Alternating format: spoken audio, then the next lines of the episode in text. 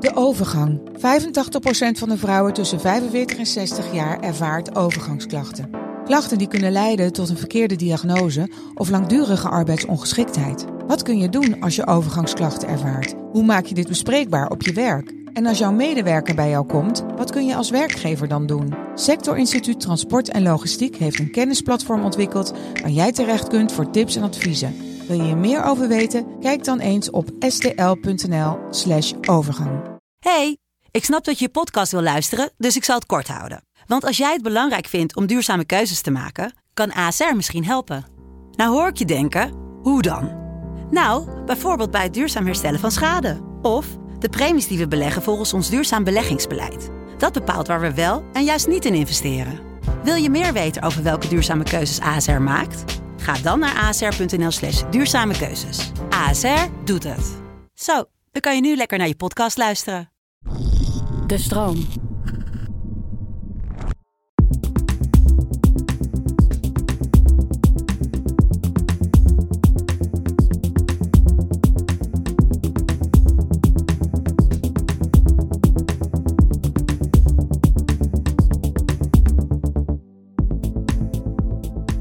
Dat je luistert naar de Podcast Psycholoog.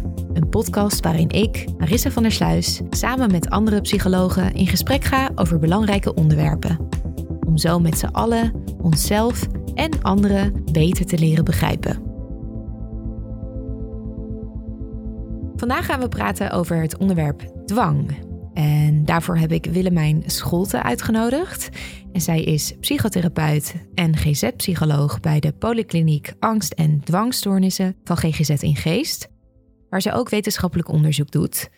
En daarnaast is ze plaatsvervangend hoofdopleider van de Rino Amsterdam en hoofdredacteur van het tijdschrift GZ Psychologie.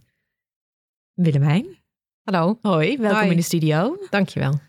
Ik keek eh, heel erg uit naar dit gesprek. En eh, eigenlijk steeds meer naarmate ik me aan het voorbereiden was. Omdat ik dacht, jeetje, dit is echt toch wel misschien een onderbelicht onderwerp. Iets waar best veel mensen last van hebben. eh, maar waar nog helemaal niet zo heel veel over bekend is. En ik heb ook twee verzoeken van eh, luisteraars gekregen Ja. om wat over dit onderwerp te maken. Jorben en Ellen. En ja, dat komt ook omdat je in tv-programma's en films vaak wel voorbeelden ziet van mensen met die echt die uiterlijke vormen van dwang. Eh, dus die bijvoorbeeld smetvrees, stellen of controleren. Maar een van die luisteraars, Ellen, die schreef ons ook dat ze veel meer last heeft van dwang die helemaal niet zo zichtbaar is. En die ze ook heel goed heeft leren verbergen. En eigenlijk wil ik het vandaag met jou hebben over die wat meer ja, subtiele vormen van dwang. Mhm. Ja, en laten we eerst eh, beginnen bij het begin. Eh, en bij de terminologie, dat eh, leek me handig. Want veel mensen hebben ooit wel eens een keer gehoord van een obsessief-compulsieve stoornis, dus Ja. OCS, OCD in het Engels. Ja. En ja, mensen met OCS hebben last van dwanggedachten of dwanghandelingen. Laten we beginnen bij de eerste. Wat zijn dwanggedachten nou precies? ja. Nou, allereerst eh, die terminologie nog eventjes. Dat is inderdaad iets wat mij opvalt de laatste tijd. Dat, het, dat heel veel mensen het over OCD hebben. Blijkbaar is het in het Nederlands ineens OCD ook geworden of zo. Hè? Ja. Maar we hebben het ook gewoon over de dwangstoornis. En ehm, als je het hebt over een dwangstoornis, dan zie je eigenlijk bijna altijd wel dat er en obsessies zijn, dwanggedachten, en dwanghandelingen. Maar het kan ook soms zijn dat er alleen maar één van tweeën is. En als je het hebt over dwanggedachten, dan eh, zijn dat gedachten, vervelende, intrusieve gedachten. Dus dat zijn gedachten die zomaar in je opkomen, waar je helemaal niet op voorbereid bent, waar je angstig van wordt. Mhm. En het kunnen ook beelden zijn of voorstellingen van iets. Dus het hoeft niet per se een gedachte te zijn, maar om maar een heel simpel voorbeeld te geven. Je je loopt de deur uit en je denkt, terwijl je de deur net keurig achter je dicht hebt gedaan en de sleutel omgedraaid hebt. En je denkt ineens, oh, misschien heb ik toch de deur niet goed dicht gedaan. En eh, dat is zo'n intrusieve gedachte die eigenlijk nergens op gebaseerd is. Er was helemaal geen aanleiding voor om dat te denken, maar het komt toch in je op. En dat noem je een obsessie of een dwanggedachte. Maar het wordt pas een echte obsessie of een probleem of een, een dwangstoornis als je er heel erg veel last van krijgt natuurlijk. Hè? Want dit soort gedachten hebben we allemaal. Ja. Dus dat is eigenlijk in het kort wat een obsessie is. En die obsessies die kunnen, of die dwanggedachten kunnen allerlei onderwerpen hebben. En inderdaad, net als jij al zei, uh, smetvrees en controledwang, dat zijn eigenlijk de dwangvormen die we allemaal wel kennen, denk ik. Alhoewel ik niet zeker weet of dat zo is. Maar um, er zijn ook heel ander type dwanggedachten die, uh, ja, waar veel minder over bekend is. He, bijvoorbeeld mensen kunnen uh, allerlei agressieve dwanggedachten krijgen. Of hele nare dwanggedachten over, over God. Bijvoorbeeld mensen die gelovig zijn, die allerlei nare gedachten ineens krijgen. Of beelden, mm -hmm. uh, slechte dingen over God. Op zich zijn die gedachten, nou, zolang je het zoals wij ze ervaren, die gedachten, zijn dat gewoon gedachten waarvan je denkt: oh, wat raar dat ik dat denk. Nou ja, hè, verder ja, niks aan doen. Ja, ja. Uh, betekent verder niks. Het wordt pas een probleem als je er waarde aan gaat toekennen. Dus als je, als je er iets van vindt dat je dat denkt, ofwel je vindt dat dat een rare gedachte is en dat dat iets heel erg over jou zegt. Dus van nou, het feit dat ik dit soort gedachten heb, dat is, betekent dat ik niet helemaal uh, goed snik ben.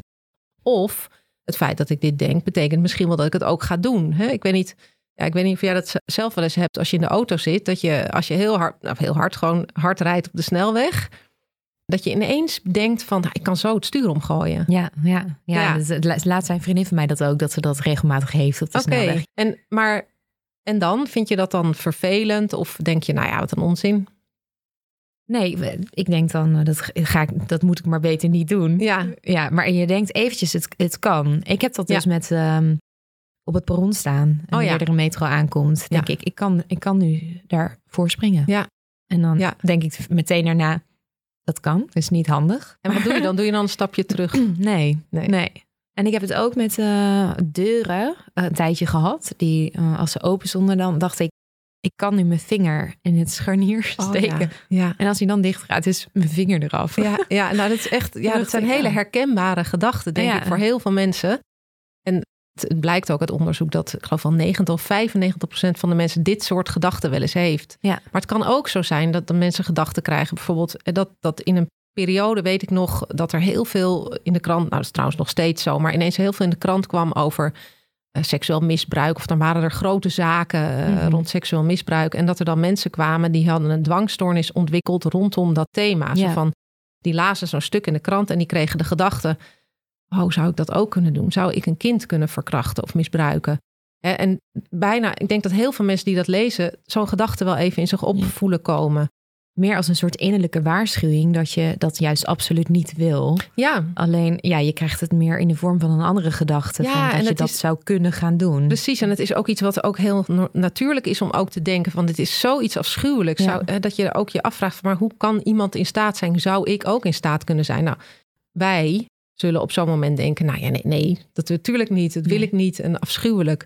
Maar mensen die eh, gevoelig zijn voor een dwangstoornis, die kunnen op zo'n moment gaan denken van, oh, waarom denk ik dit? Ja. Oh jeetje, oh jeetje, dit zegt iets over mij. En anders zou ik dit niet denken. En dan, eh, nou, dat geeft angst. Ja, en op het moment dat je, er heel veel betekenis Precies. aan. En Ja. die gaan daarin doordenken, gaan twijfelen aan zichzelf, hebben geen vertrouwen dat ze dat niet zullen doen. Precies. En dan, dan word je dus angstig, hè? precies Mhm. wat jij zegt. Als je dat allemaal bedenkt, dan word je daar angstig van. En omdat je daar angstig van wordt, krijg je die gedachten juist vaker. Dus op het moment dat je een gedachte niet wil hebben, dan komt die vaker in je op. Het wegdrukken van gedachten, dat is helaas zo, dat werkt gewoon niet.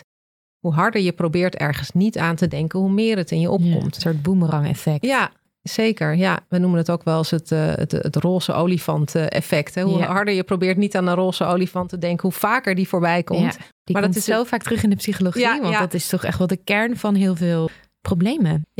En, het, he- en, en als je, dus op het moment dat mensen die gedachten proberen weg te duwen, dan komt die vaker. En dus zien mensen daar weer een soort bewijs in van zie je wel. Dit is wel weer het bewijs. Ik heb er weer aan gedacht. Dus dat zegt nu wel echt iets over mij. Andere Mhm. mensen denken er misschien even aan, maar ik heel vaak. En vervolgens kan dat zo eh, angstig worden dat mensen gaan proberen om maar niet meer in aanraking te komen met kinderen, bijvoorbeeld. Mhm.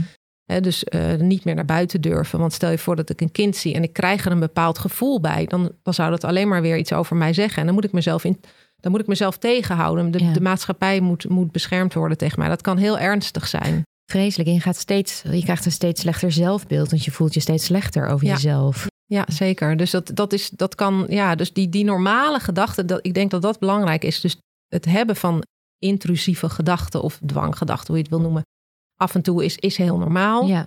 Ik sprak net nog een collega die zei van ja, dat had ik nou laatst ook. En zij behandelt ook mensen met Mhm. dwangstoornissen. En ze zei, ja, ik ging naar de film en ik had een kat te leen van iemand of te logeren. Ik ging naar de film en ik zat op de fiets en ik dacht ineens, "Ah, heb ik de kaarsen wel uitgedaan? En ze zei, ik zag al helemaal de, die, die staart van die kat in de eh, vlam vatten door Ja, die en zo'n kaarsen. voorstelling had Ja, ze al. Ja. Terwijl eh, toen ze wegging, had ze gewoon die kaarsen uitgeblazen. En ergens wist ze dat ook nog wel. Dus iedereen heeft daar wel last van. En dat is allemaal prima, omdat je vervolgens toch gewoon doorgaat met wat je van plan was. Ja, en het, het kunnen ook soms hele, hele heftige dingen zijn die ineens door je heen schieten. Waar, en Ja. ook vooral die schaamtevolle, intrusieve gedachten. Dus ik denk dat daar weinig over wordt gepraat. Het zijn juist de dingen die mensen niet willen, waar ze gedachten over krijgen. Dus iemand Ja. die niet gelovig is, die zal ook niet dwanggedachten krijgen over religie of over God of nare dingen. En dat is eh, dan ook zo moeilijk te geloven dat, dat je dat dus niet wil. En daarom is het zo Ja. belangrijk dat we het hier nu over hebben en Klopt, dat ook ja. verduidelijken. En vroeger werd nog wel gedacht dat eh, dit soort dwanggedachten verborgen wensen waren. Ja, maar. En dat maakt het ook nog erger. En we weten inmiddels dat het juist helemaal niet zo is, net wat je zei. Nou, ik ben blij dat we het hier nog een keer over kunnen hebben. Want ehm, ik heb toch nog best wel regelmatig... en ik, ik werk nu eh 25 jaar in de GGZ ongeveer... en heb heel veel mensen met dwang behandeld. Maar ik heb toch nog regelmatig meegemaakt en nog steeds... dat patiënten komen en zeggen... ja, ik, ik was bij een behandelaar en die dacht dat ik... ja, toch een soort agressie in me had. Hè? En dat dat de reden was dat ik dit soort gedachten had. Mhm. En dat is natuurlijk heel, eh, ja, heel schadelijk als Ja. een behandelaar ook tegen je gaat zeggen: Ja, er is wel iets mis met je. Of ja, we moeten toch een beetje oppassen dat u eh, niks geks doet. Ja. Dus er zijn ook mensen die bijvoorbeeld gedachten hebben over: misschien ga ik wel zelfmoord plegen. Nou, even het onderscheid tussen mensen, wat natuurlijk verschrikkelijk is, die echt eh, suicidaal zijn en echt zelfmoord wil plegen, is dat er op dat moment. een, een, een, ja, een wens klinkt een beetje raar, maar echt een, een zo'n grote wanhoop is dat iemand het niet meer ziet zitten en overweegt om zelfmoord te plegen. Maar mensen die dwanggedachten hebben over zelfmoord plegen, die willen helemaal niet dood. Nee.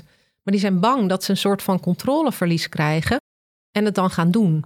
Dus die krijgen daar gedachten over en denken: Oh jee, ik moet niet te dicht bij het raam komen, want straks doe ik het. Ja. Ik had ooit een keer een cliënt in behandeling die, omdat hij een keer een, een krantenbericht had gelezen van iemand die zomaar zijn vriendin had vermoord Oh ja. in een psychose met een mes, Ja, wa- was die gaan denken: oh, wat als ik dat zou doen bij mijn vriendin? En die was daar zo, dat was zo'n obsessie geworden van: wat als ik dat doe? En die ging Ja. messen vermijden. Die Ja. kon gewoon niet meer in de buurt zijn bij messen. dat is inderdaad ook een bekend iets eh, dat mensen bang worden van messen. eh, of of eh, bang zijn dat ze hun partner gaan smoren met een kussen of zo in hun slaap. Dat soort dingen. En Ja. het is natuurlijk belangrijk om het onderscheid te- maken tussen mensen die echt agressief zijn en dat soort dingen willen doen. En de mensen die bang zijn om het te doen. En bang zijn om de controle kwijt te raken. En hoe doe je dat over het algemeen? Nou, dat is eigenlijk heel eenvoudig. Alle- Allereerst om het door te vragen. Van, goh, Ja. maar is dat iets wat je wil doen? Hè? Eh, nee, natuurlijk niet. Ik vind het verschrikkelijk. Ik wou dat ik er vanaf was van die gedachten. En ik hou van mijn partner. En ik wil helemaal niemand Ja, vermoorden. Dat is en, vaak wel heel duidelijk Ja, of ze dat wel maar bij dwang is het wel zo dat het op die momenten dat het zich voordoet... of dat het heel erg speelt, of dat, dat het actueel is... dat er een dwanggedachte komt, dan kan het wel op dat moment vrij geloofwaardig zijn. En ik, ik heb ook wel wat mensen behandeld die... en dat is ook heel erg eh, heftig, vind ik zelf... die heteroseksueel waren... eh, of in ieder geval op volwassenen vielen, laat ik het maar zo zeggen... En die dan de dwanggedachten kregen dat ze misschien wel pedofiel waren. En ehm, bij hun eigen kinderen daar last van kregen. Terwijl dat absoluut niet zo was. Nee. Maar daar toch door allerlei argumenten te verzinnen zelf, waardoor het wel zo zou kunnen zijn, ook een beetje in gingen geloven. Je gaat jezelf wijsmaken dat je dat Ja. misschien moet erkennen van jezelf. Ja, Ja. want wat, wat er bijvoorbeeld kan gebeuren, is dat iemand zijn eigen kind knuffelt en merkt dat dat heel fijn is. En daar, daar word je vooral mee, krijg je daar heel fijne gevoelens van. Maar misschien ook een beetje angstige gevoelens op het moment dat je daar bang voor raakt. En die angstige gevoelens vermengd met ook wel fijn van knuffelen, kunnen voor mensen een reden zijn om te denken: oh, maar dit, dit betekent die gevoelens, die sensaties, dat betekent misschien wel dat ik verliefd ben. Misschien, misschien hou ik wel van kinderen. En er is in het hele leven dan nog nooit een aanwijzing voor geweest dat dat zo was. En als je het mensen vraagt, zeggen ze ook nee. Het is natuurlijk ook helemaal niet zo. Maar toch ga ik maar uit de buurt van mijn eigen kinderen blijven. En dan Mm. knuffel ik ze maar niet meer. Ja, dat is natuurlijk, natuurlijk heel, heel triest. Ja, dan gaat die twijfel steeds verder. En dan Ja. wordt dat op een gegeven moment echt eh, heel storend. Ja. Ja, we zijn ook al een beetje aangekomen bij de dwanghandelingen. Want mensen met een obsessief-compulsieve stoornis, waar we later nog op terugkomen wanneer je dat precies, eh, Ja. wanneer je daaraan voldoet.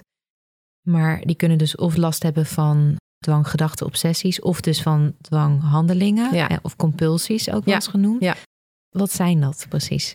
Meestal zie je dat het wel samen voorkomt. Dus bijna iedereen die heeft wel angstige gedachten. En bijna iedereen doet wel iets om die angst kwijt te raken. En dat noem je al snel ofwel dwanghandelingen ofwel vermijding. Ehm, nou, dwanghandelingen, dat zijn eigenlijk handelingen die je doet. De letterlijk doet, ofwel in je hoofd doet. Dat zal ik zo vertellen. Om die angst kwijt te raken. Dus ehm, om het heel simpel te zeggen, als voorbeeld, wat we allemaal wel eens doen, is afkloppen.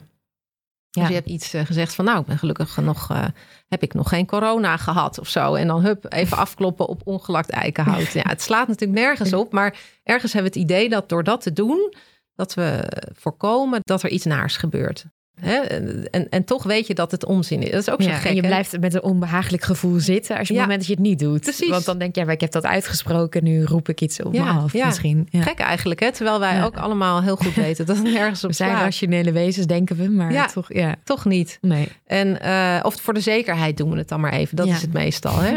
En ehm, nou, die dwanghandelingen, die kunnen dus, dat is iets heel onschuldigs natuurlijk. Maar als je je voorstelt bijvoorbeeld iemand die bang is om besmet te raken met, eh, nou ja, dat kan van alles zijn, bacteriën of ehm, HIV of asbest of wat dan ook. Mensen die daar bang voor zijn, die gaan vaak wassen bijvoorbeeld. Die gaan vaak, als ze iets aangeraakt hebben waarvan ze denken, oh, ze, waar ze een dwanggedachte hebben, oh jee, dat zit vol met asbest, ik zeg maar wat. Eh, dan ga ik thuis snel mijn handen wassen of mijn kleren in de was doen. En dat Mhm. In de was doen, handen wassen of het vermijden van, van aanraken van dingen, dat noem je eigenlijk eh, meer de compulsies. En dat kun je ook in je hoofd doen. Dus je, mensen kunnen ook in hun hoofd allerlei rituelen doen. Dingen opzeggen of tellen in hun hoofd. Of geruststellende dingen in hun hoofd zeggen. En dat is eigenlijk, noemen we ook compulsies of dwanghandelingen. Dus alles wat je doet om die angst te dempen, Mhm. dat noemen we dwanghandelingen. En ik, ik heb ook wel begrepen dat, dat we veel praten over eh, angst. Dat bepaalde gedachten Mhm. dan echt angst oproepen. Mhm. Maar dat het soms ook wel een bepaalde, um, ja, meer gevoel dat het niet lekker zit. Bijna een soort interne jeuk. eh, Ja. En wat, wat minder het gevoel van angst. Dat niet iedereen dat zozeer herkent. Maar dat je daardoor iets moet doen om weer even dat gevoel van onrust kwijt te zijn. Ja.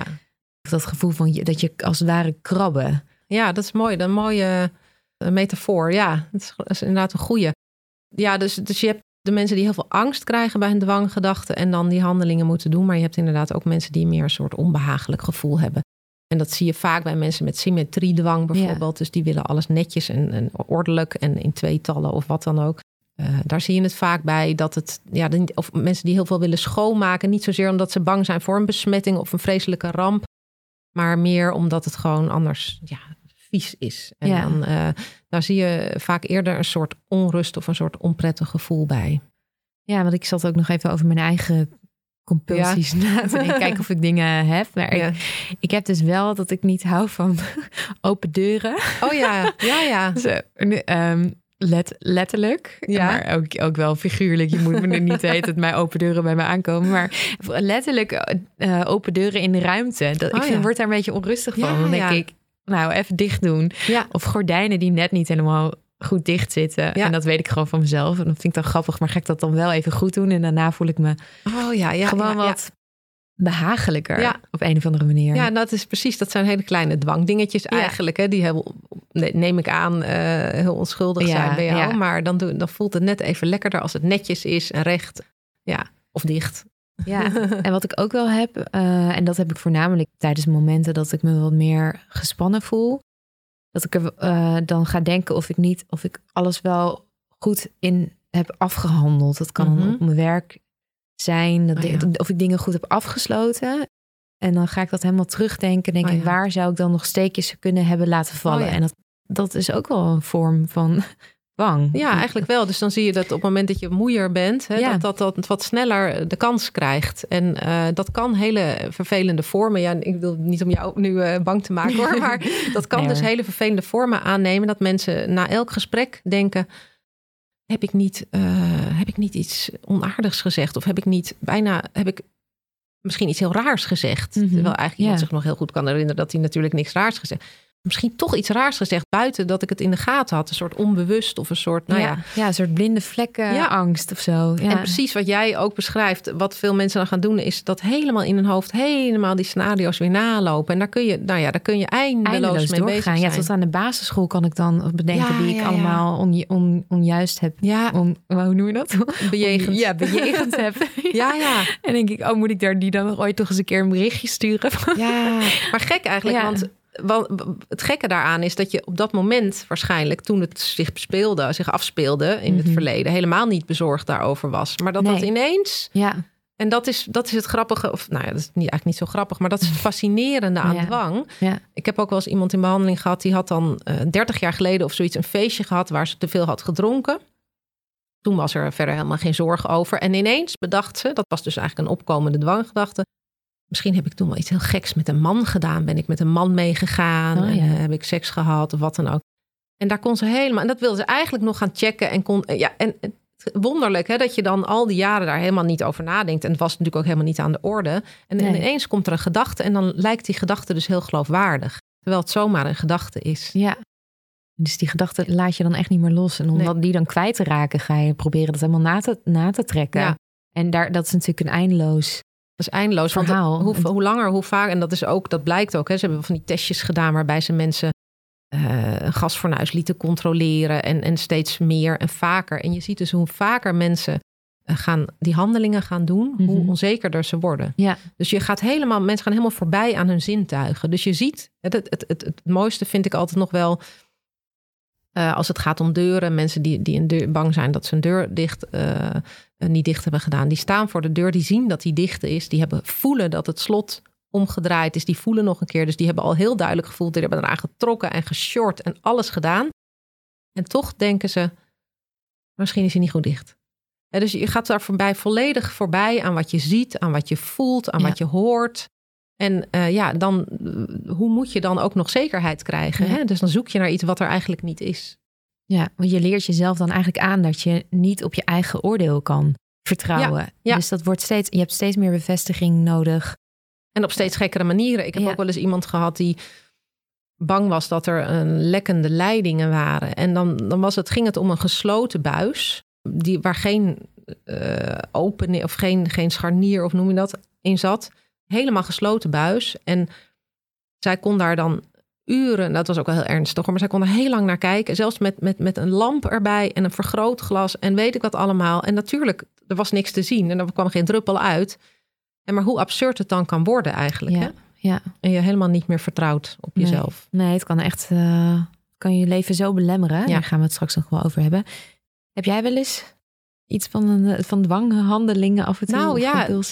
Ik ken het wel een beetje van vroeger. En dat is denk ik wat heel veel mensen ook als kind eh, hebben. Wel dat soort dingetjes. Veel van die magische handelingen. Dus magische handelingen zijn handelingen die je doet om iets te voorkomen. Dat er iets met iemand gebeurt. En, en het ene heeft helemaal niets met het anders te maken. Dus wat ik wel had. En ik probeerde me een beetje weer voor te stellen hoe dat dan ging. Ik had een soort idee dat dingen in setjes van vier en vier en dan nog eens een keer twee en twee moesten. Ja, ik kan het niet eens meer uitleggen, maar ik zie het nog een soort van vormen. Ah ja. Ja, twee, twee groepjes van vier en twee. En dat moest dan een soort van symmetrisch in mijn hoofd. En ik weet niet eens meer wat ik precies deed, maar dat, daar, daar was iets mee. Die Oh, ja. vieren en die tweeën. En ik had ook wel, ehm, En als dat niet zo was, wat dan? Ik geloof nou niet dat ik daar dan heel bang van werd, maar ik probeerde dat dan wel even voor elkaar te krijgen. En ik denk dat, Oh ja. dat als dat dan niet zo was, dat ik bang was dat ik mijn, mijn proefwerk niet haalde. Of nou, ik weet niet, misschien was het op de lagere school, maar dat er dan Oh, iets, ja. iets gebeurde. Of met mijn ouders gebeurde. Hè? Dat hebben Mhm. kinderen ook trouwens vaak. Ja. En ik had het ook wel bij, ook heel gek, bij eh, lantaarnpalen. Dat als we in de auto zaten en we reden. Herken je het? ik zie jou ja, kijken. Ja, ja, dan ga ik er precies in het midden ga ik er tussendoor. Doe ik een soort in, in, in mijn hoofd een knikje of zo. Oh, grappig. Jij ook? Nee, ik, Oh. ik had juist dat ik eh, niet mag inademen, mocht inademen bij een lantaarnpaal. ja, grappig. Ja, dat is echt heel grappig. Ja, Ik heb het echt nog nooit aan iemand verteld. oh, Nee. geestig. Ja, Ja. ik denk ik ook niet. Het is heel maar- klein. Ja, het is heel klein, maar het is wel, eh, ik kan het me echt nog wel herinneren. Dat deed ik echt altijd. Ja. En, eh, ja, en dat heeft vaak dan te maken met dat je iets wil zorgen. Nou ja, dat je hoopt dat er dan niks naars gebeurt. Meestal Ja. met de mensen die je lief hebt. Ja. En wanneer spreken we, en want dit zijn nog allemaal wel, vooral de voorbeelden die wij geven, Ja. dat zijn wel dwangverschijnselen, maar wij hebben geen dwangstoornis. Nee. Maar wanneer spreek je nou wel van een dwangstoornis? Nou, je spreekt eigenlijk van een dwangstoornis als dit, het hebben van dwanggedachten en het hebben van dwanghandelingen, uh, in ieder geval meer dan een uur per dag in beslag neemt. Ja, dat is ook natuurlijk maar een grens hoor. Ik bedoel, uh, ja. En of, hebben mensen ooit afgesproken met ja, elkaar dat, hebben mensen ook minimaal een uur moet zijn. Precies, maar je kan het natuurlijk, ik bedoel, zo strikt moet je het niet nemen. Maar als het eigenlijk als het iemand leven gaat beïnvloeden, mm ofwel ernstig lijden veroorzaakt. Dus als iemand daar heel veel last van krijgt van die angsten, ofwel ja, dat, dat er dingen niet meer gaan in het leven. Dus dat het moeilijk wordt om, om naar school te gaan, om, om, om te werken. Ofwel uh, ja, dat, dat mensen daardoor wat geïsoleerder raken, omdat ze moeite hebben om de deur uit te gaan. Nou, dus als het je leven gaat beïnvloeden op een negatieve manier, dus je functioneren noemen we dat ook wel. En het, en, en het ook veel angst en lijden veroorzaakt. Ja. En dan vind ik stoornis altijd zelf als psycholoog zo'n mm. beetje vervelend woord. Want het mhm. lijkt dan net alsof jij gestoord mhm. bent. Maar eigenlijk is het de, de dwang die jou stoort in je leven. Ja. En dat is dan denk ik heel belangrijk om dit ja, nog even te zeggen. Ja, dat vind ik ook. En, en mensen vinden, schamen zich vaak ook erg voor. En uh, hebben ook het idee, ja, ben ik dan een beetje gek of wat dan ook. En het is echt, je, een dwangstoornis, ja, ik noem het dan wel zo, maar dat is echt een, een onderdeel van, je, van jezelf. Mensen met een dwangstoornis, die, dat zegt verder niet over hoe ze verder zijn. Je kan, het, kan gewoon, het kan gewoon iedereen gebeuren die daar gevoelig voor is. Je, het overkomt je. En dus de aanleg heb je. En vervolgens wordt het natuurlijk in stand gehouden, die dwangstoornis, doordat je ook die dwanghandelingen gaat doen. Maar um, het, het, zegt niks over jou als persoon of dat je verder ook niet in orde bent of wat dan ook. En dat is echt wel heel belangrijk voor mensen om te weten, denk ik. Ja, dat er niks is om je voor te schamen. Nee, net als dat andere mensen hebben soms een keer in hun leven last van uh, een depressie of iets anders. Ja, of, of, iets lichamelijks waar of een, ja. we ons meestal helemaal niet voor schamen. Maar wanneer het geestelijk is ineens wel. Ja. En ja, je zei net al wat van. Uh, kijk, wat zei je nou? Gene dat het gene Nee, zei je dat? Nou, ik zei er is wel een bepaalde aanleg. Oh ja, dus er is, is ja. ja, er is al wel een bepaalde aanleg vaak voor een dwangstoornis. En hoe, ja, hoe ontstaat dat nou, zo'n zo'n dwangstoornis? Nou ja, er is dus een genetische component. Hè? Dus er, er, er is in ieder geval een deel van waardoor die, die dwangstoornis ontstaat. Die is ja, erfelijk, zullen we maar zeggen. Mhm. dus, de, dus als je een oude vader of moeder hebt met een dwangstoornis, dan heb je zelf ook meer kans om er eentje te krijgen. Dat is niet 100% hoor. Maar uh, ja, je hebt wel meer, een hoog grotere kans. En daarbij, wat je vaak ziet, dus er moet een bepaalde aanleg zijn, maar je ziet vaak dat het bij mensen ontstaat die op een bepaald moment in hun leven, ja, dat er een, een live event is, of er iets gebeurt in je leven. Ofwel, het hoeft niet heel groot te zijn, maar bij heel veel stress of bij een verhuizing. Maar het kan ook iets heel leuk zijn, de geboorte van een iets kind. wat je raakt in ieder geval. Ja, of iets wat je raakt inderdaad. En iets wat, uh, dan zie je vaak dat die, ja, dat die dwangstoornis zich gaat ontwikkelen. Dus je hebt ergens die kwetsbaarheid, net als dat je een kwetsbaarheid kan hebben voor een lichamelijke ziekte. En op een gegeven moment openbaart die zich. Mhm. En dan zijn er nog wel, uh, komt het geloof ik wat vaker voor bij mensen die, die jeugdtrauma hebben. Of die wat angstig van aard zijn, al bij de, van temperament bij de geboorte. Maar helemaal precies hoe het ontstaan is onbekend. Maar het heeft dus niets te maken met uh, ja, dat je per se door dingen in je jeugd of dat je ouders niet goed voor je waren. Of mm. er zijn vaak mensen die dan heel erg behoefte hebben om te zoeken naar hoe kom ik daar nou aan en wat heb ik dan meegemaakt. Want er leeft toch nog veel het idee van je moet echt vreselijke dingen hebben meegemaakt of er is vast iets mis in je jeugd en daardoor krijg je psychische problemen. En dat is echt niet zo. Dat hoeft helemaal niet zo te zijn, laat ik het zo zeggen. Dus het heeft lang niet altijd zin om daar helemaal nee. diep naar te graven. Soms kan je wel iets vinden, maar er is niet altijd een duidelijke aanleiding. Nee, er is vaak wel een aanleiding uh, waarin, waardoor het zich openbaart. Maar dat is niet de oorzaak. De oorzaak, ja. Ja. Um, ja, en er zijn veel mensen wel bekend met die wat meer bekende uh, uitingsvormen van, uh, van een dwangstoornis. Dus dat blijven controleren of uh, smetvrees. Ja. Uh, maar er zijn ook wel wat minder bekende uitingsvormen van een dwangstoornis. En ik ja. vind het wel interessant om het daar ook nog even over te ja. hebben. Ja, je hebt bijvoorbeeld ook nog de mensen met verzameldwang. Dat is trouwens ook nog weer een aparte vorm van dwang. Hè, die een hele huis vol stoppen met spullen. En dat mhm. niet weg kunnen gooien en, en steeds meer willen verzamelen. Dat is ook nog een vorm die je veel ziet. Um, zit daar dan onder dat ze ze denken dat ze het misschien ooit nog eens een keer zouden kunnen gebruiken en het dan zouden hebben weggegooid. Ja. Bijna een soort anticipated regret. Ja, uh, precies, precies dat. Ja, dat zit er meestal bij. En de meest gekke dingen waarvan mensen er honderd hebben, zijn ze toch bang dat als ze dat ooit nog eens nodig hebben, dat ze het dan missen. Ehm, je hebt nog wel eh, voor bijvoorbeeld ook nog relatiedwang. Ja, ik, ik vind het zelf nooit zo nodig om dat allemaal een aparte naam te geven. Omdat ik denk, het is allemaal hetzelfde mechanisme uiteindelijk. Alleen het onderwerp verschilt. Wat daarover trouwens wel grappig is, als je ook kijkt naar smetvrees. Dat kan, heel veel mensen denken, oh ja, dan was je dus heel veel je handen en dan ben je dus bang voor bacteriën. Maar dat kan dus heel verschillend zijn. Het kan dus zo zijn dat mensen vooral bang zijn om zelf besmet te raken. En dan kunnen ze besmet, uh, bang zijn voor besmetting met HIV, met asbest, met uh, bacteriën. Maar het kan ook gaan om gewoon vuil, straatvuil en wat dat dan ook mogen zijn.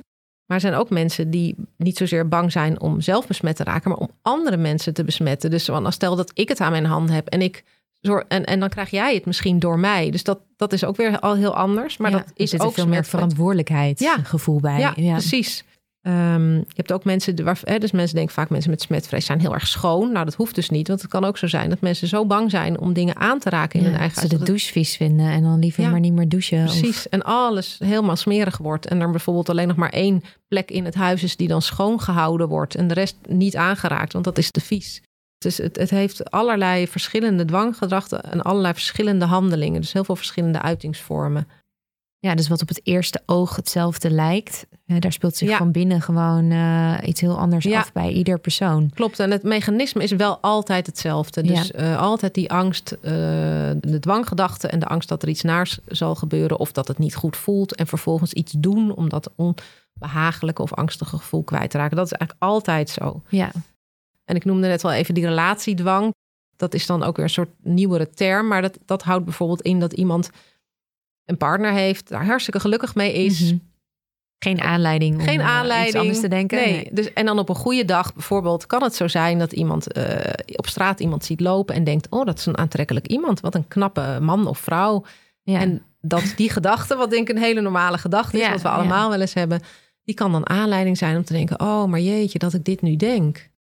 Dat zegt wel iets. Ja, dan vind ik deze, deze persoon misschien knapper dan mijn eigen partner. Oh jee, oh jee, nou, nou dat is misschien een heel slecht teken. Want dan, dan hou ik dus misschien niet van hem of haar.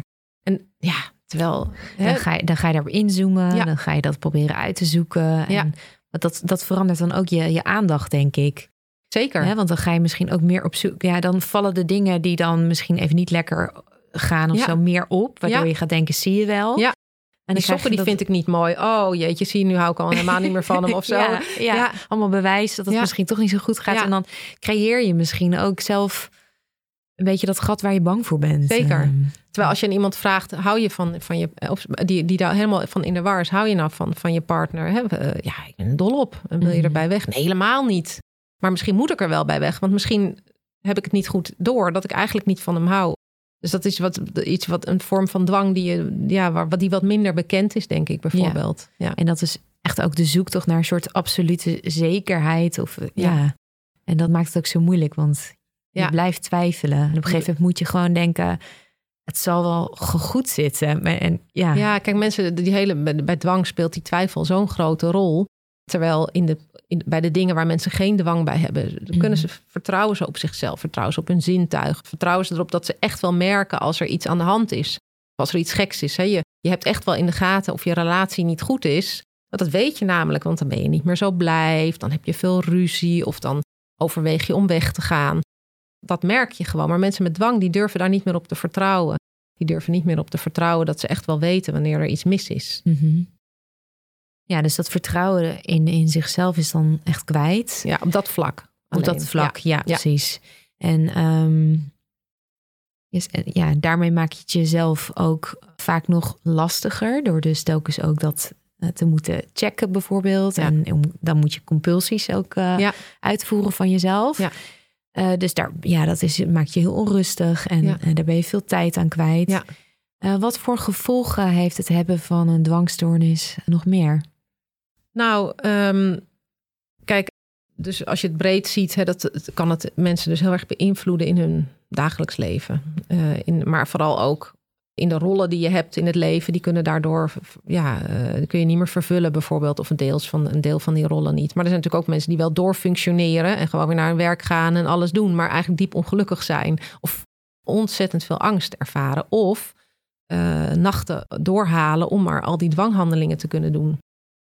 Hè, omdat ze niet kunnen gaan slapen voordat dat allemaal gebeurd is. Ja. Dus het kan mensen helemaal uitputten en doodmoe maken. Het kan ook heel veel impact hebben op relaties bijvoorbeeld en op, op het gezinsleven, als dat ernstig is. En dan hebben altijd de, de, de partners en kinderen vaak ook er ook mee te maken. Ja, ja, want die wordt vaak ook, dus de partner wordt vaak ook gevraagd om daarin mee te gaan in Ja. die compulsies, toch? Dus Ja. in het checken bijvoorbeeld. Ja. Ja, kijk, het moeilijke is, laat ik het zo zeggen, het is heel begrijpelijk dat je als partner op een gegeven moment ook gaat helpen.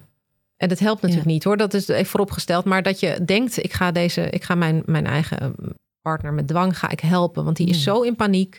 Die is doodsbang. En er moet nog een heel, eh, bijvoorbeeld mensen met, met, met ernstige smetvrees, er moet nog een heel avondritueel gedaan worden. Waarbij er gedoucht moet worden. En dat duurt dan een uur met, met drie eh, zeeppompjes en weet ik veel wat allemaal. En dat duurt zo lang dat als ik nou even help met haar afdrogen of zo, zodat ze dat allemaal zelf niet hoeft te doen.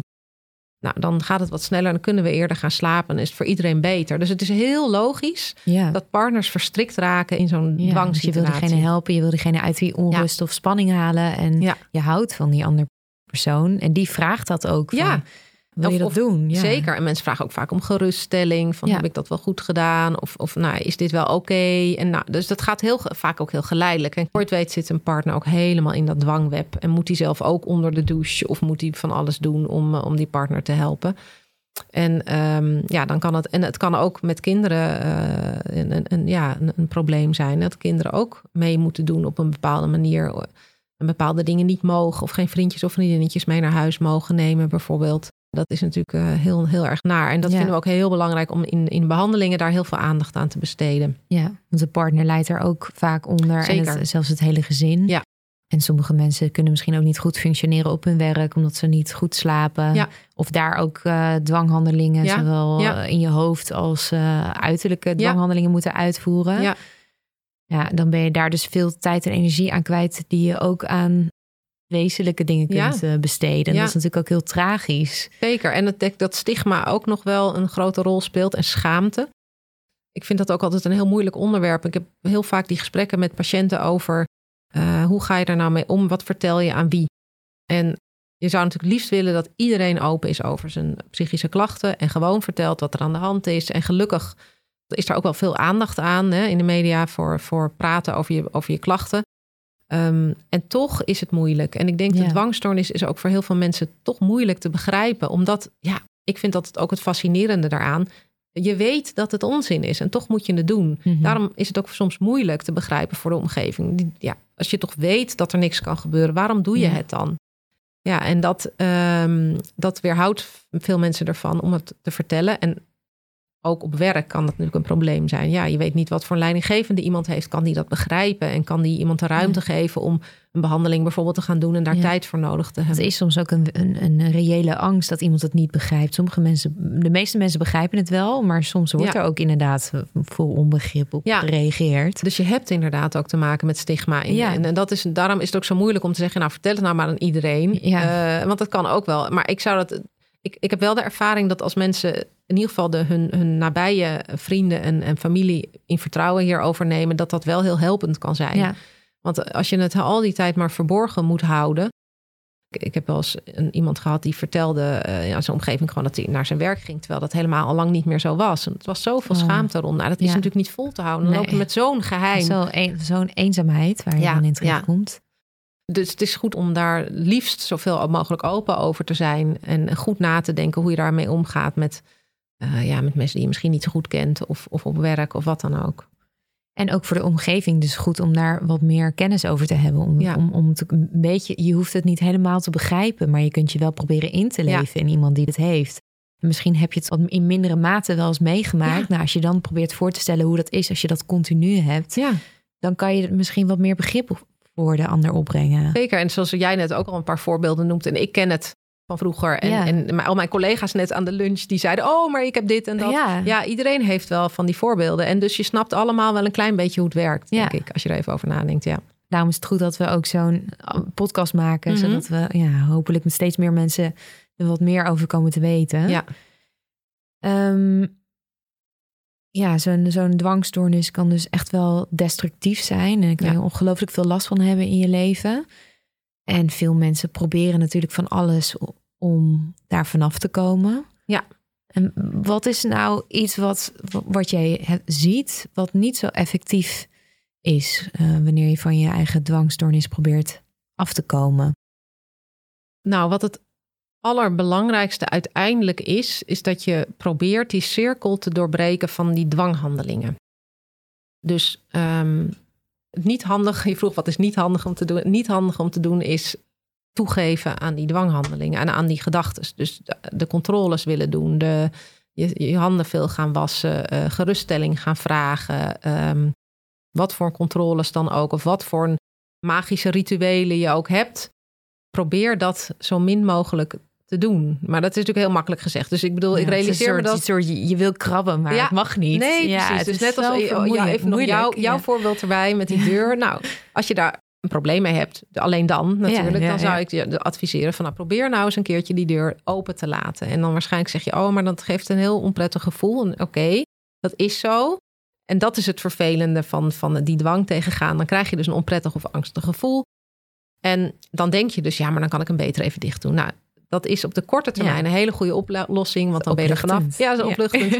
maar als je dat dus blijft doen, dan komt die angst elke keer weer. En bij dwang is het ook nog eens zo. Als je daar alsmaar mee door blijft gaan. Hè, als je dus een dwangstoornis hebt. Gaat die over het algemeen groter worden. Die olievlek kan zich uitbreiden. Dus mhm. probeer dat zoveel mogelijk tegen te gaan. Of kleine stapjes daarin te zetten om precies datgene te doen wat je dus eigenlijk eh, moeilijk vindt om te verdragen. Om en wat daar het dus rationale achter is, is niet zozeer om, je, om iemand een onprettig gevoel te geven, maar dat is het rationale daarachter is dat je zult gaan merken dat er eigenlijk niks gebeurt. Dat je hooguit dat je dat onrustige gevoel krijgt, dat je dat leert verdragen, dat dat ook vanzelf weggaat. En mensen die, die bijvoorbeeld smetvrees hebben of, of controledwang, die zullen merken dat op het moment dat ze niet eindeloos wassen of niet eindeloos die deur controleren, dat er eigenlijk helemaal niks gebeurt. En die ervaring is heel belangrijk. Dus daar moet je jezelf de kans voor geven om te gaan merken dat die dwanggedachten niet kloppen. Dat er eigenlijk helemaal niks aan de hand is. En dat ook die angst die je in het begin bij die oefeningen of bij dat, dat uitproberen heel erg voelt, dat die na verloop van tijd, hoe vaker je het oefent, op een gegeven moment weg is. En dat is wel het fijne van de eerste keer is het, is het moeilijkst. Juist. En naarmate je het vaker doet, uh, ja, gaat dat ook steeds beter. En soms kun je je later niet meer voorstellen dat je daar ja. Uh, ongemak of spanning bij Zeker, dus dat is het mooie ervan. Dat mensen naar de hand zeggen van ja, maar oh, daar ben ik helemaal niet meer mee bezig. Nee. Oh, dat was ik helemaal vergeten. Maar dat is makkelijk gezegd. Maar als voor mensen, zeker voor mensen die, die niet een heel ernstige dwangstoornis hebben, maar die dit wel herkennen en denken, ik ga daar een beetje ver in, is dat echt wel een tip. Dus probeer dat af te bouwen, maar ook Vertrouw op je zintuigen. Net zoals je dat doet in situaties waar je geen dwang hebt. Dus even om een heel simpel voorbeeld te geven met die deur. Nou, wat jij misschien dan ook wel een beetje herkent. Um, nee, want je hebt het niet met controleren van de deur. Maar mensen die de deur controleren, die zijn dan ineens heel onzeker of ze het wel goed zien of voelen of horen. Terwijl bij het raam vertrouwen ze wel op hun zintuigen. Dus probeer dat ook toe te passen op de situaties waar je dwang hebt. Van hé, hey, wacht eens even, ik kan dat toch gewoon heel goed vaststellen hoe dat, hoe dat zit. Dus echt proberen te vertrouwen op je eigen beoordelingsvermogen. Misschien ook situaties uit het verleden en andere situaties waarin je prima je eigen oordeel kan vertrouwen. Even, even weer ophalen. Ja, even weer ophalen. En ook bedenken dat het zijn maar gedachten hè, die me opkomen. Dus zoals die collega die zei, ik, ik had een kat te logeren. En, en toen ik wegging dacht ik ineens, oh die kaarsen. Terwijl er niet een aanleiding voor was dat, er, dat ze zich kon herinneren dat ze die kaarsen niet uit had gedaan. Maar dat, dat kwam gewoon ineens in haar op. Dus het zijn maar gedachten. Ja. Het hoort, hoort bij ons. En het zegt, het zegt juist iets over jou dat jij daar dus een verantwoordelijk persoon bent. Juist. Die, ja, ja, dat dit soort gedachten opkomen. Dat, dat uh, heb ik ook altijd gezegd tegen mijn cliënten. Juist jou zal het minder snel overkomen. Dus de oh. mensen die zijn al vaak al heel oplettend en doen het al helemaal extra. Ja, dat klopt. Ja. Um, en nou ja, je geeft dus ook als tip om dat misschien in stapjes toch te gaan uh, overwinnen. Door, te, uh, door ja, die spanning of die angst te gaan verdragen. Ja. En dus dan niet te gaan controleren. Dus die, die dwanghandelingen niet te gaan doen. Daar ja. in ieder geval in af te bouwen. Wat kan daar nog bij helpen om dat te, te laten lukken? Want dat in het begin is dat vooral lastig, denk ik, mm. om de eerste drempel over te gaan. Nou ja, wat, wat we kan helpen is dat je bijvoorbeeld eens inventariseert van waar heb ik nou allemaal last van. Dat je er dus een lijstje van maakt en dat je eens kijkt van goh, wat is nou een, een, een, een, een dwanghandeling die ik misschien wel zou durven laten. Om mee te Uh, beginnen. Om mee te beginnen. Gewoon Ja. om een klein beetje te ervaren hoe dat voelt. En, ehm, eh, en als dat lukt, dan doe je nog een, een oefeningetje. En zo kun je dat een beetje gaan. Maar je moet het nooit allemaal. Want je kan ook zeggen, ja, doe het gewoon niet meer. Maar dat werkt dus Ja. niet. Nee, Dat- hè, nee, dus- nee. Dat is lastig. En als het, en als het echt niet lukt zelf en je probeert het. ehm, ja, je kunt natuurlijk al- altijd hulp zoeken. En de omgeving? Hoe kan je omgeving, je partner Ja. of eh, je gezin of je vrienden, hoe kun je er daar eventueel bij ondersteunen? Ja. Die, hoeven het, die, die hoeven het natuurlijk niet die verantwoordelijkheid op zich te nemen om, om van het oplossen hiervan, maar Nee. kunnen misschien wel net iets kleins doen waardoor het beter lukt. Ja, zeker.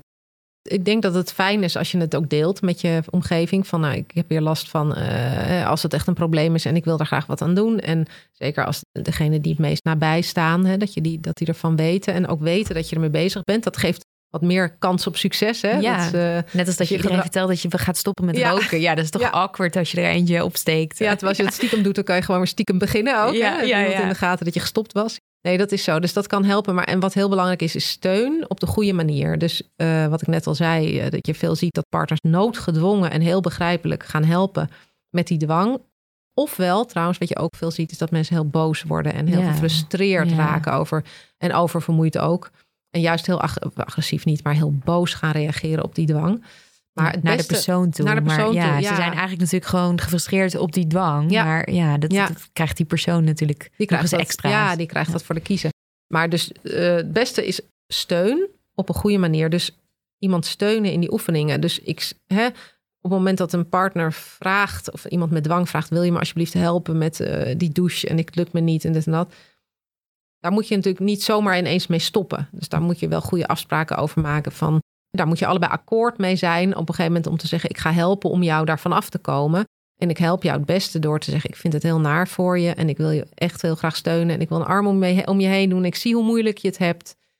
En het helpt je alleen niet als ik nu voor jou eh, dat doucheritueel ga oplossen. Dat helpt je even, maar op de lange termijn blijft het dan bestaan. Dus dat, dat is voor partners en, en omgeving belangrijk om, om in gedachten te houden. Dat je altijd afstemt met elkaar.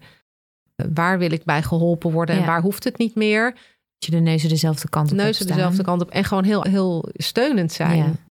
Dus eh, zonder te helpen. Ja, dus zonder te helpen wel samen de schouders eronder Ja. tegen de dwang. En ook Als heel een erg team. als een team. En Ja. ook heel erg, dat, dat hoor ik ook nog wel eens van patiënten, dat ze dan eh, veel bereiken. En dan vergeet zo'n partner soms om te zeggen wat goed. Ja, ja. En dat is ook eigenlijk zo- vieren. Eigenlijk je overwinningen vieren ook. Want het is echt zo'n moeilijke stap. Ja, Want ja, soms denk je misschien ook als vriend of vriendin of eh, familielid van, nou ja, dat is toch zo, is toch niet zo moeilijk. Maar voor die persoon is dat echt zo'n grote stap geweest. Dus Ja. het is ook wel belangrijk om dat te belonen of eh, Ja. samen te nou ja, wat vieren. jij zegt, vieren vind ik eigenlijk wel heel mooi. Dat Ja. je die overwinningen viert en ook echt Samen. benoemt. Ja. Ja. Ik zat zelf ook nog te denken dat de, de, een van de kerndingen bij een dwangstoornis is dat je ook je eigen gedachten best wel serieus neemt. Ja. En we hebben het wel vaker gehad over mediteren in Mhm. andere afleveringen. En daarbij leer je om met iets meer afstand naar je eigen Ja. gedachten te kijken. En ze meer eh, als bijvoorbeeld wolkjes voorbij te Mhm. laten gaan. Mhm. En ehm, ik dacht zelf, ik weet niet of jij er wat van weet, maar helpt mediteren hier ook bij om Ja. ja, iets minder gewicht te kunnen geven aan je eigen gedachten. Vind ik een hele goede gedachte ook. Het is niet zozeer dat, dat, dat we dat hebben onderzocht of zo, of dat werkt. Maar zeker bij dat type eh, dwanggedachten, zoals die agressieve dwanggedachten, die seksuele dwanggedachten. Daarbij eh, leren we mensen wel eh, om die gedachten wat minder serieus te nemen. Dus, om de, in, dus de, de manier waarop ze die gedachten interpreteren. Zo Mhm. van, het zegt iets over mij, het zegt dat ik iets wil of het zegt dat ik iets ga doen. Om, om dat te corrigeren als het ware. En eigenlijk is dat een beetje hetzelfde als wat je doet met mediteren. Ook dan neem je wat afstand, precies wat jij zegt, van die gedachten. En kijk je daar op een afstandje naar en denk je, oh, daar gaat er weer eentje. Ja. En dat is wel uiteindelijk waar je naartoe wil bij dwang. Dus dat mensen gaan zeggen, net als wij, als we zo'n gedachte krijgen van, oh, daar heb je er weer één. Nou, Precies, ja. prima, laat Ja. maar komen. Ik doe er verder niks mee. Soms roepen we die gedachten extra op, hè? een beetje je blootstellen aan die gedachten. Maar wat jij zegt is eigenlijk ook wat we doen in, dat noemen wij dan cognitieve therapie. Het meer afstand krijgen van je gedachten. Ja. Ja. Ik las ook ergens dat het eh, soms kan helpen om net te doen alsof Donald Duck of Mickey Mouse die gedachte uitspreekt. En dan klinkt het ineens heel belachelijk. Ja, ja, en dan voelt het helemaal niet meer als iets van jou. En dan kan je het beter loslaten. En ik las ook nog een andere tip dat je, dat je soms ook eens kan proberen om heel hard na te denken dat je het koffiezetapparaat kapot Ja. wil denken. En ja, dat lukt je ook niet. Ja. Of dat je heel Ja. hard wil denken dat je de, de loterij wint. En dat dat natuurlijk ook wel een bewijs is voor het feit dat we vaak de dingen die we denken, dat dat helemaal niet per se uitkomt Ja, of precies. lukt. Dat is juist bij mensen die denken dat als ik dit denk, dan gebeurt dat. Mhm. Een hele goede oefening. Ga maar eens kijken of als je die plant daar in de hoek heel hard dood denkt, of die doodgaat. Hè? Ja, Ja, dat is leuk. Ja, dat is leuk. En dat lukt natuurlijk nooit. Ik zeg heel vaak, heb heel vaak tegen patiënten gezegd van nou, ik wil graag dat je de, de komende week elke dag minstens tien keer denkt, Willemijn krijgt een gebroken been. ja. Hè? Ja. En eh, het grappige is als ik dat zelf zeg, dat ik dan ook even denk van eh, oké. Maar eh, ik heb daar dan, dan denk ik al heel snel van nee, natuurlijk. Dat heeft niets te maken, want dat is juist wat je aan mensen wil aanleren, dat dat niets Ja. te maken heeft met wat er gaat gebeuren. En dat vinden mensen dus ook heel spannend. Want stel Ja. je voor dat ik volgende week daar met een gebroken been eh, achter dat bureau zit. Ja, dan mag jij in de tussentijd niks gevaarlijks doen. Nee, want nee, dan precies. laat jij het uitkomen en dan heb je het verpest. Dan heb ik het verpest. Dat zou wel een minder, minder geslaagd experiment zijn. Maar dat is ook een heel mooi experiment. Ja, kan ook heel erg helpen. Ja. En wat nou als je er zelf echt niet uitkomt, ook niet met eh, hulp van je omgeving? Hoe ziet dan een eh, psychologische behandeling er over het algemeen uit? Nou, je hebt eigenlijk twee keuzes als je in behandeling gaat voor een dwangstoornis: medicatie of psychologische behandeling. We hebben altijd een voorkeur voor psychologische behandeling om daar als eerste mee te starten, omdat je, ja, het is fijn om zelf iets te kunnen overwinnen waarbij je het zelf het gevoel hebt dat je dat eh, bewerkstelligt. Bovendien is het zo dat eh, medicatie heel erg goed kan werken en dat ook echt een hele goede optie is voor heel veel mensen.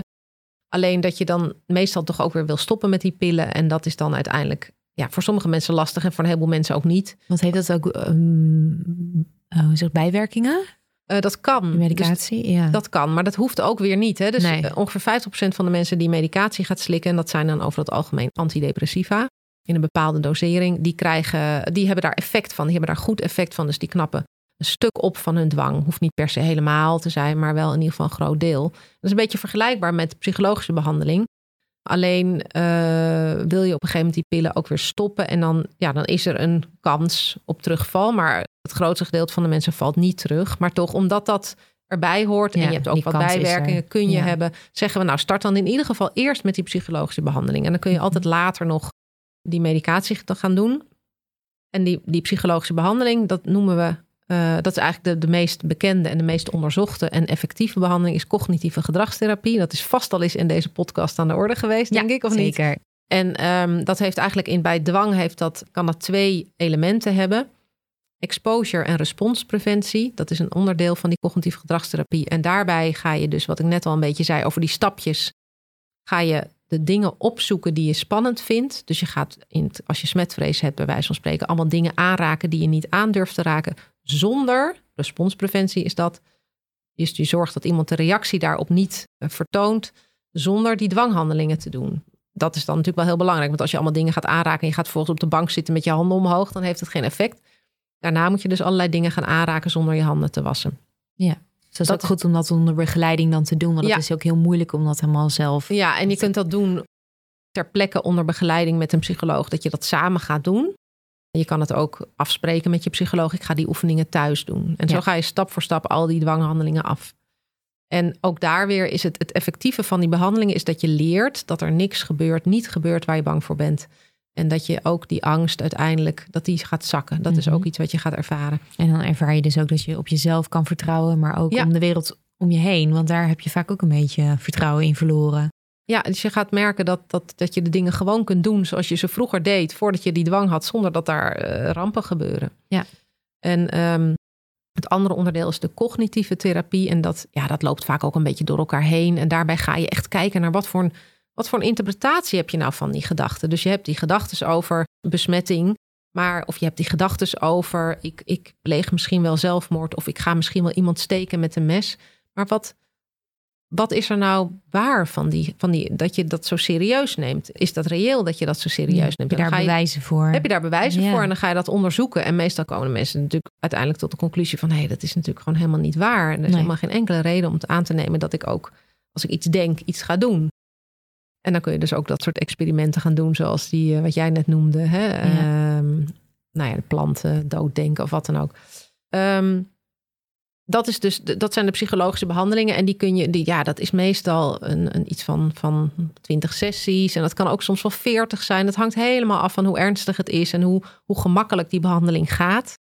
Nou, als dat onvoldoende werkt, dan zijn er ook nog allerlei mogelijkheden voor intensievere behandelingen. Dus dat mensen intensiever behandeld worden, eh, meerdere dagen per week of meerdere sessies per week. Dus er is best heel veel mogelijk. Ja. Dus het is echt als je er zelf mee worstelt en het lukt niet om het aan te pakken, echt heel raadzaam om daar hulp bij te gaan zoeken. Ja, het is echt zonde als je hier, als je er zoveel last van hebt, mee blijft lopen alleen. Want dan, ja, op een gegeven moment zit je gewoon in, in die dwang verstrikt en kom je er niet meer uit. En het gaat gewoon meestal niet zomaar vanzelf over. Je hebt ook wel dat het een beetje fluctueert, maar uh, ja, doordat je dus doordat je er zo mee omgaat en als maar die dwanghandeling blijft doen, hou je het ook een beetje zelf in stand. Niet expres, maar dat, dat gaat zo.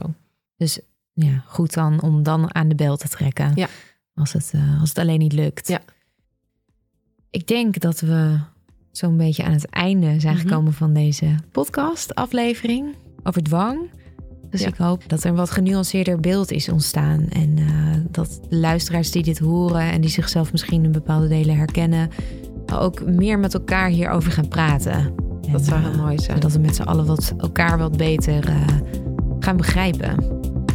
Bedankt dat jij uh, hierin uh, wat uh, meer helderheid hebt gegeven. Dankjewel. Wil jij na het luisteren van deze aflevering nog meer leren over psychologie? Word dan lid van onze club op de podcastpsycholoogclub.nl en ontvang elke maand bonusmateriaal bij de podcast en een door mij persoonlijk ingesproken ontspanningsoefening.